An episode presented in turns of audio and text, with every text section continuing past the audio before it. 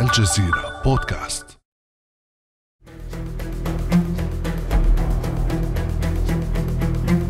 في عام 2001 أعلنت إنرون إحدى شركات الطاقة العالمية الكبرى إفلاسها بعد أيام قليلة من حصولها على تصنيف ائتماني قوي من مؤسسات التصنيف الأمريكية المعروفة. لكن إنرون كانت تخفي جبلا من الديون وحسابات تم التلاعب بها السيناريو نفسه تكرر خلال الأزمة المالية العالمية عام 2008 عندما أفلست بنوك وشركات كبرى ذات تصنيفات ائتمانية عالية. واليوم خفضت مؤسسات التصنيف الائتماني تقييم روسيا بشكل كبير في إطار العقوبات الأمريكية فيما لا تزال العديد من الدول محاصرة بتصنيفات سلبية من هذه المؤسسات تمنعها من الاستدانة. تصنيفات مثيرة للجدل. أعادت إلى الواجهة مطالب بتأسيس مؤسسة مستقلة للتصنيف الائتماني بعيداً عن الهيمنة الأمريكية أطلقتها منذ عشرة أعوام دول أوروبية تبعتها لاحقاً تركيا والصين تتهم هذه المؤسسات بأنها مسيسة فكيف تعمل مؤسسات التصنيف الائتماني أو ما تعرف بطباخية الديون في قلب النظام المالي العالمي؟ وهل فعلا يمكن شراء الجدارة الائتمانية من هذه المؤسسات؟ وكيف تحولت هذه التصنيفات إلى حرب تحاصر الدول التي تخالف السياسة الأمريكية أو تنافس اقتصادها؟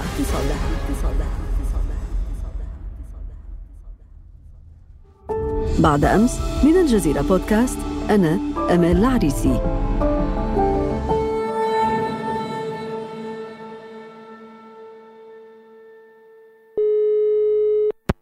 مؤسسة التصنيف الائتماني موضوع حلقتنا اليوم مع الزميل محمد أفزاز المحلل الاقتصادي بموقع الجزيرة نت. أهلا وسهلا بك محمد.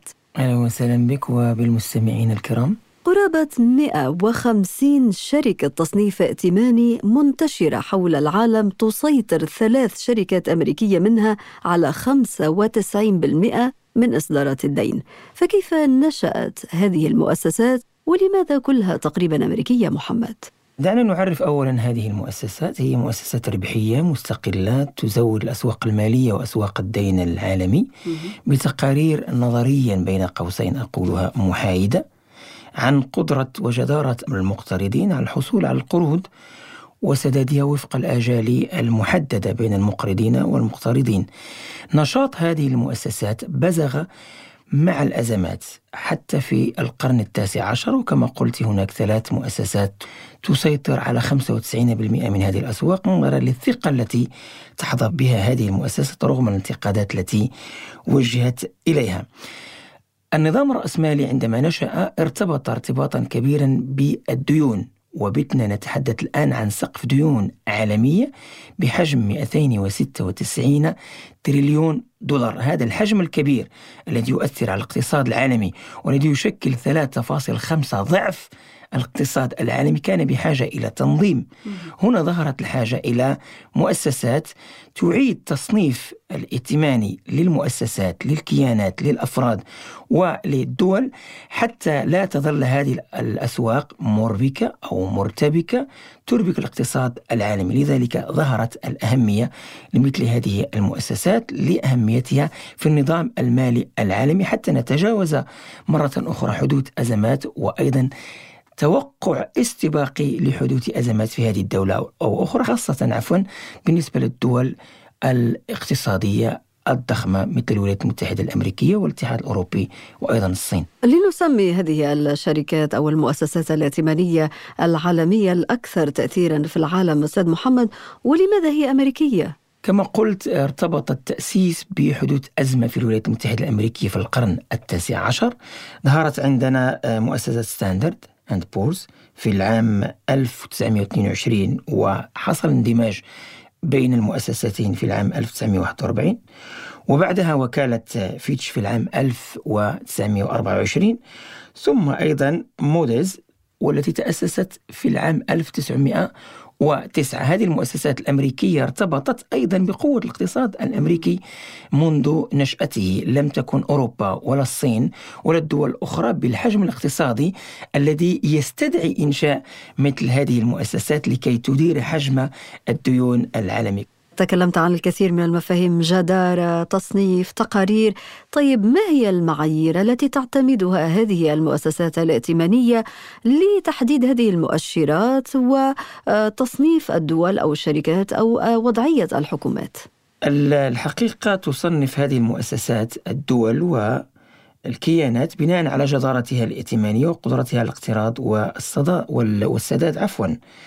يعني تنظر هذه التقارير عادة إلى الوضع الاقتصادي والسياسي والاجتماعي للدول لموازناتها للعجز المالي لقدرة هذه الدول على سداد ديونها للأصول التي تتوفر عليها هذه الدول وما إذا كانت قادرة على سداد الديون في أجلها المحددة. عندما نتحدث عن الجدارة الائتمانية أي قدرة هذه الدول على الاقتراض. أولا بتكاليف أقل. ثم القدرة على الوفاء بهذه الديون لأن عادة ما تكون هذه الديون على مدى أطول ما بين ثلاث إلى عشر سنوات إلى عشرين سنة. بالمثال يتضح المقال. عندما يرغب محمد أو أمال أو أحمد أو يوسف أو أي شخص الاقتراض من البنك فإن هذا البنك يسأله العديد من الأسئلة عن الأصول التي يتوفر عليها هل لديه مسكن؟ هل هو مؤجر مستأجر؟ هل لديه أرض قطعة أرض؟ ثم هل لديه راتب؟ بمن يبحث عن الأصول التي على ضوئها يستطيع البنك أن يقرض هذا الشخص أو هذه الشركة. ثم حجم القرض الذي يرغب فيه. إذا كان الحجم القرض كبيرا جدا فإن البنك ينظر في العديد من المعايير الأخرى عن قوة هذا الشخص وعن سجله الائتماني السابق. ما إذا كان يؤدي ديونه السابقة لدى البنك بوتيرة جيدة دون أن يطلب إعادة هيكلة هذه الديون أو تعثر في شهر من الأشهر أو في سنة من السنوات. حتى بدنا نتحدث الآن عن مؤسسات للتصنيف الائتماني الخاصة بالأفراد. تصدر مثلا في بريطانيا في الولايات المتحدة الأمريكية. بل إن في بريطانيا هناك الحديث عن أن حتى المؤجر هناك يطلب من الأفراد تصنيف ائتماني لأنه يرغب أن تدخل إليه الأموال دون صعوبات ودون مشاكل لأنه لا يرغب أن تواجهه عجوزات في المستقبل من هذا الشخص أو ذاك. نفس الأمر يستقيم مع الدول التقارير المؤسسات التصنيف الائتماني تنظر لهذه الاعتبارات كلها لأنها مطلوب منها أن تقدم تقارير بين قوسين محايدة مستقلة للمقرضين الذين سيعطون الأموال للمقترضين إن كانوا يرغبون في الولوج إلى أسواق الدين وأيضا للمستثمرين الذين يرغبون في شراء السندات الدولية التي تطرح والصكوك التي تطرح في الأسواق. إذا من واجب هذه المؤسسات أن تقدم تقارير محايدة موضوعية مستقلة عن الحالة الاقتصادية عن الحالة الاجتماعية والسياسية للدول حتى لا نقع في العديد من الأزمات مثل ما حصل الحال في الأزمة المالية العالمية عندما وجهت الاتهامات إلى هذه المؤسسات الكبرى على الصعيد العالمي طيب من يطلب من مؤسسات التصنيف الائتماني إنجاز هذه التقارير؟ الحقيقة بالمقام الأول الذي يطلب مثل هذه التقارير هي الدول لأنه عندما يتم تصنيف دولة معينة آه، تصنيف AAA ثلاث مرات يعني ذلك أن هذه الدولة لها ملاءة مالية وجدارة ائتمانية عالية تستطيع أن تقترض من الأسواق المالية بأقل كلفة وعندما يكون تصنيفها بي بي بي هذا يعني أنها متوسطة الجدارة الائتمانية وهذا يدفعها أيضا للاستدانة من الأسواق العالمية ولكن بكلفة متوسطة أو أعلى. بينما الدول التي لديها تصنيف CCC أو DDD هذه التصنيفات تكون عالية المخاطر أو متعثرة. لذلك يصعب عليها الولوج إلى الأسواق الدين العالمية. يصعب على المقترضين أن يغامروا معها لمنحها هذه الديون. وإن كانوا سيمنحون هذه القروض بالضمانات سيكون ذلك بكلفة عالية. بمعنى على سبيل المثال الدول العربية بالمجمل تقريبا تلج إلى أسواق الدين العالمية بكلف عالية مقارنة بالدول المتقدمة والاقتصاديات الكبرى أو الولايات المتحدة الأمريكية.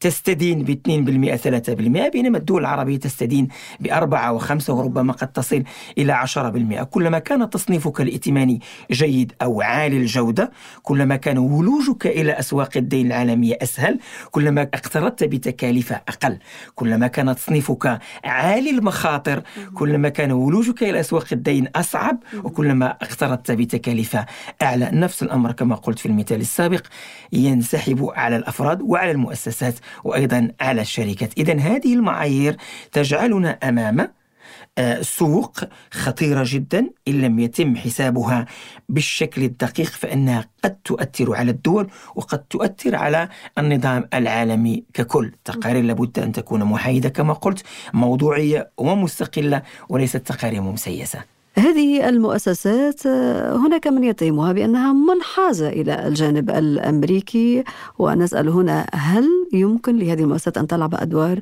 سياسية؟ الحقيقة التاريخ يثبت أن هذه المؤسسات في العموم في العموم كانت تصدر تقارير محايدة لكن في محطات كبرى بارزة تهمت هذه المؤسسات بتضليل المستثمرين في الأزمة المالية العالمية في العام 2008 عندما وصفت العديد أو أصدرت العديد من التقارير عن جودة العديد من الديون بينما أصبحت هذه الديون متعثرة ودخلنا في أزمة رهن عقاري وتحولت هذه الرهون العقارية إلى أوراق وسندات تباع في البورصات و أسهم تباع في البورصات. امتلكها العديد من الناس والمستثمرين وفجأة أصبحنا أمام أزمة مالية عالمية أثرت على الاقتصاد الأمريكي وأثرت أيضا على الاقتصاد الأوروبي بشكل عام وأصبحنا نتحدث عن أزمة الديون السيادية في العام 2010 وجهت أصابع الاتهام لهذه المؤسسات لأنها لم تكن قادرة ولم تكن حقيقة محايدة في تصنيفها لجودة هذه الديون وتحملت مسؤولية معنوية وفعلية في هذه الأزمة. وإن كانت التقارير الأمريكية بعد ذلك قالت بأن هذه المؤسسات تصدر تقاريرها من باب الاستشارة وإبداء الرأي وليس تقارير ملزمة للمستثمرين وللمقرضين والمقترضين لأنه بالنهاية هذه المؤسسات تقول فيما تقول ضمن تقاريرها أننا نقدم تقارير للاستئناس وللاستشارة وليست تقارير ملزمة للدول. ضمن المؤاخذات أيضا في العام 2010 اتهمت العديد من الدول الأوروبية هذه المؤسسات بالتضليل وبإصدار تقارير مسيسة أكثر منها تقارير تقنية مالية اقتصادية. ودخلت بذلك أوروبا في أزمة آه، ديون سيادية تأثرت بها اليونان قصة رهيبة جدا. وكادت أن تتأثر بها إيرلندا وكادت أن تتأثر بها إسبانيا وتأثرت بها بالفعل إيطاليا. ودخلت أوروبا في هذه الدوامة من الأزمات. ما تزال ذيولها مسترسلة حتى الآن. أيضا في العام 2018 وجهت تركيا مؤاخذات لوكالة التصنيف الائتماني لأنها قلصت أو خففت أو خفضت من تصنيف الائتماني لتركيا على الرغم من أن الاقتصاد التركي كان يبلي البلاء الحسن وكان يتقدم بشكل كبير جدا مقارنة بالاقتصادية النامية الأخرى. ووصف وقتها بأنها تقارير مسيسة تخدم الأجندة الأمريكية وسلطة الولايات المتحدة الأمريكية وسلطة الذين أو سلطة المتنفذين في هذه المؤسسات. وآخر الصيحات في مجال الانتقادات تلك التي وجهها الرئيس التونسي قيس سعيد الذي اعتبر أن هذه المؤسسات تخدم الأجندة الدولية وكانت خادعة. وأيضا ليس بحاجة إلى مثل هذه المؤسسات المؤسسات لكي تصنف قدرة تونس كبلد على سداد ديونه في الأسواق الخارجية مع أنه في الحقيقة تونس تعيش أزمة اقتصادية بجانب أزمة سياسية وهاتين الأزمتين جعلتا من الديون في تونس ترتفع تقريبا لحوالي 80.5% قياسا إلى الناتج المحلي وأيضا العجز في الموازنة يرتقي تقريبا إلى حوالي التوقعات 8.4% قياسا إلى الناتج المحلي. التداخل السياسي مع الاقتصادي مع المالي في ظل كل هذه الاتهامات الموجهة لمؤسسة التصنيف الائتماني محمد تدفعنا أيضا للتساؤل مرة أخرى عن مصادر التي تستقي منها هذه المؤسسات المعلومات والمعطيات المالية المتعلقة بالدول والشركات وكذلك الأفراد. يفترض أن هذه المؤسسات الكبيرة جدا وهي مؤسسة ربحية كما قلت خاصة نشأت في الأصل.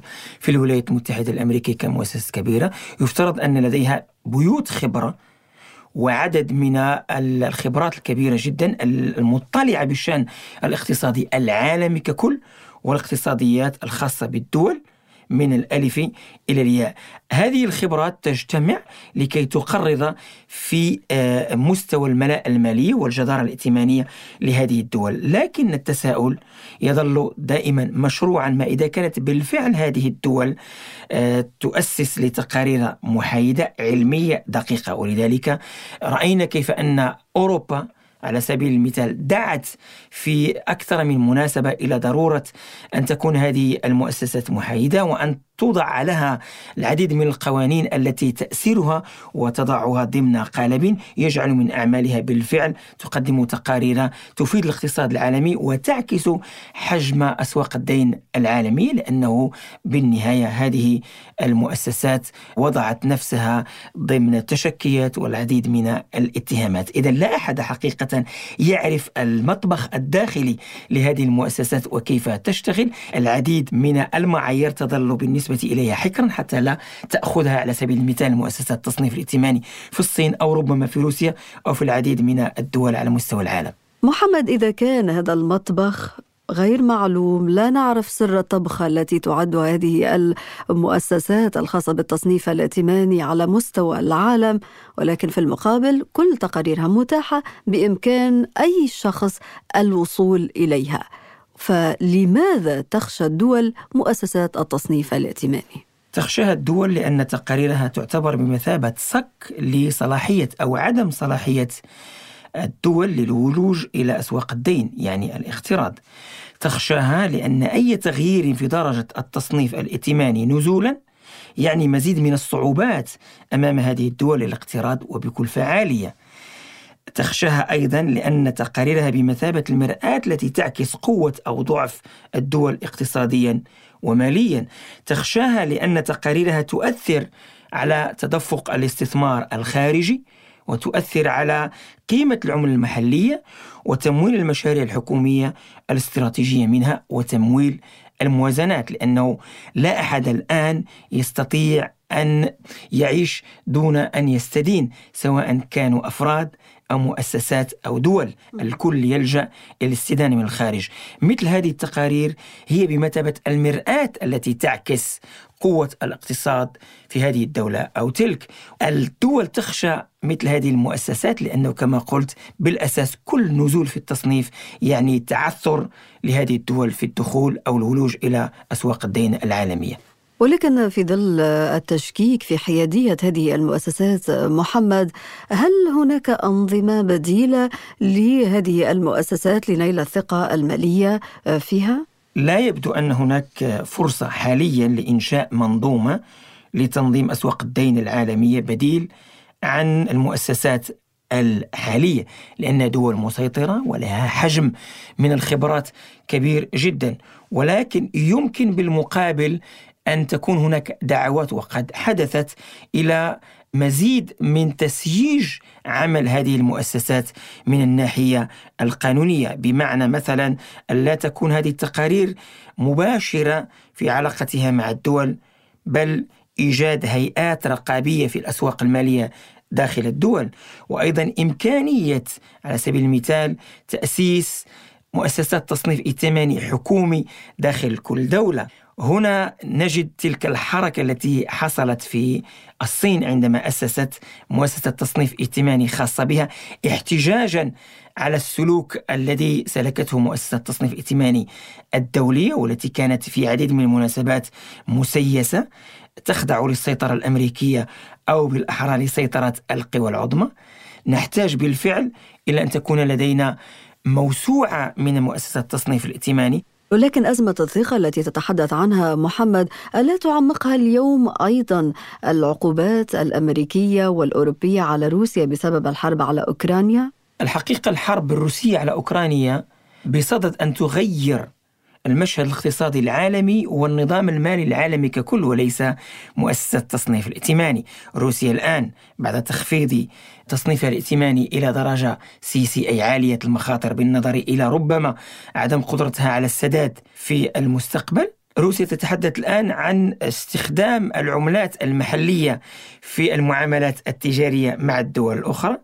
روسيا والصين تدعوان إلى منظومة تجارية واقتصادية عالمية.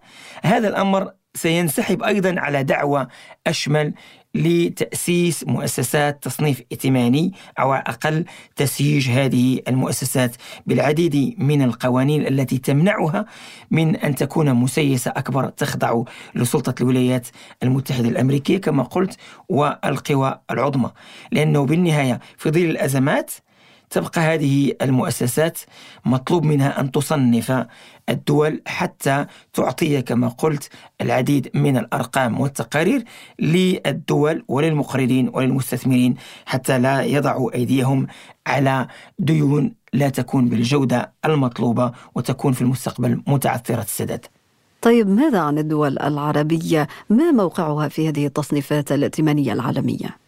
الحقيقة في المجمل التصنيفات الائتمانية للدول العربية هي متأخرة. أغلبها تقريبا تصنيف B أو CC إما متوسطة الجدارة الائتمانية أو عالية المخاطر عندما نتحدث عن لبنان الذي دخل في حالة إفلاس. بل إن نائب رئيس الحكومة صرح أمس الأول بأن الدولة والبنك المركزي مفلسان ما يعني أن المودعين سيتعرضون لمخاطر كبيرة جدا ما يعني أن الخسارة سيتم تقسيمها ما بين الحكومة الدولة تحديدا والبنك المركزي. وإن كانت تصريحات أخرى لطفت من الجو في لبنان لكن بالنهاية هناك أزمة مالية في لبنان. نفس الأمر تعيشه تونس نفس الأمر ربما في العراق وإن كان العراق أقل تقريبا لأن لديه النفط وعندما يرتفع النفط تكون لديه إيرادات كبيرة وهذا يحسن من تصنيفه. هناك توقعات بأن يرتفع تصنيف العراق من B ربما إلى A minus أو A plus على سبيل المثال. الدول الخليجية في عمومها باستثناء البحرين وسلطنة عمان تصنيفها الائتماني قوي A أو AA A مثلا بالنسبة للسعودية لقطر وللإمارات تحديدا لأن لديها موازنات متوازنة ليس لديها عجوزات كبيرة وإن كانت لديها ديون خارجية لكنها قادرة على السداد بالنظر إلى أن السلعة الأساسية التي تتوفر على هذه الدول هي النفط وهذا النفط مطلوب في الأسواق العالمية ومع ارتفاع أسعار النفط إلى أكثر من 110 دولار يكون بمقدورها أن تكون لها إمكانيات مالية ضخمة للسداد. إذا تصنيفات الائتمانية لديها أكثر جدارة ائتمانية وأكثر قدرة خلافا كما قلت للعديد من الدول السودان. ربما المغرب والجزائر لهما تصنيف متوسط لكن في العموم التصنيفات في الدول العربية متوسطة إلا استثناءات تتواجد بمنطقة الشرق الأوسط وتحديدا دول الخليج. نتمنى في المستقبل أن تكون الدول العربية قادرة على إدارة ماليتها وحكامة وشفافية للموازنة التي تتوفر عليها قادرة على خلق ثروة إضافية وإعادة جدولة وتوزيع هذه الثروة بشكل يقلل الفروقات ما بين الفقراء والأغنياء وبأن يخلقوا ثروة داخلية صناعية ضخمة نحو التصدير وليس النفط لكي يتم تصنيفها بجدارة ائتمانية عالية وتستطيع بذلك الولوج إلى أسواق المال بالشكل الذي تريده بالمستوى الذي تريده وأيضا بأقل كلفة في المستقبل إن شاء الله. والخلاصة محمد أن تقريرا واحدا من هذه المؤسسات من شأنه إحداث تغييرات وتأثيرات أساسية سواء كانت سلبية أو إيجابية في القرارات المالية والاقتصادية والاستثمارية للدول والمؤسسات الكبرى وكذلك للأفراد. المحلل الاقتصادي بموقع الجزيرة نات زميل محمد أفزاز شكرا جزيلا لك. الشكر موصول لك وللمستمعين الكرام وإلى حلقة مقبلة إن شاء الله. كان هذا بعد أمس.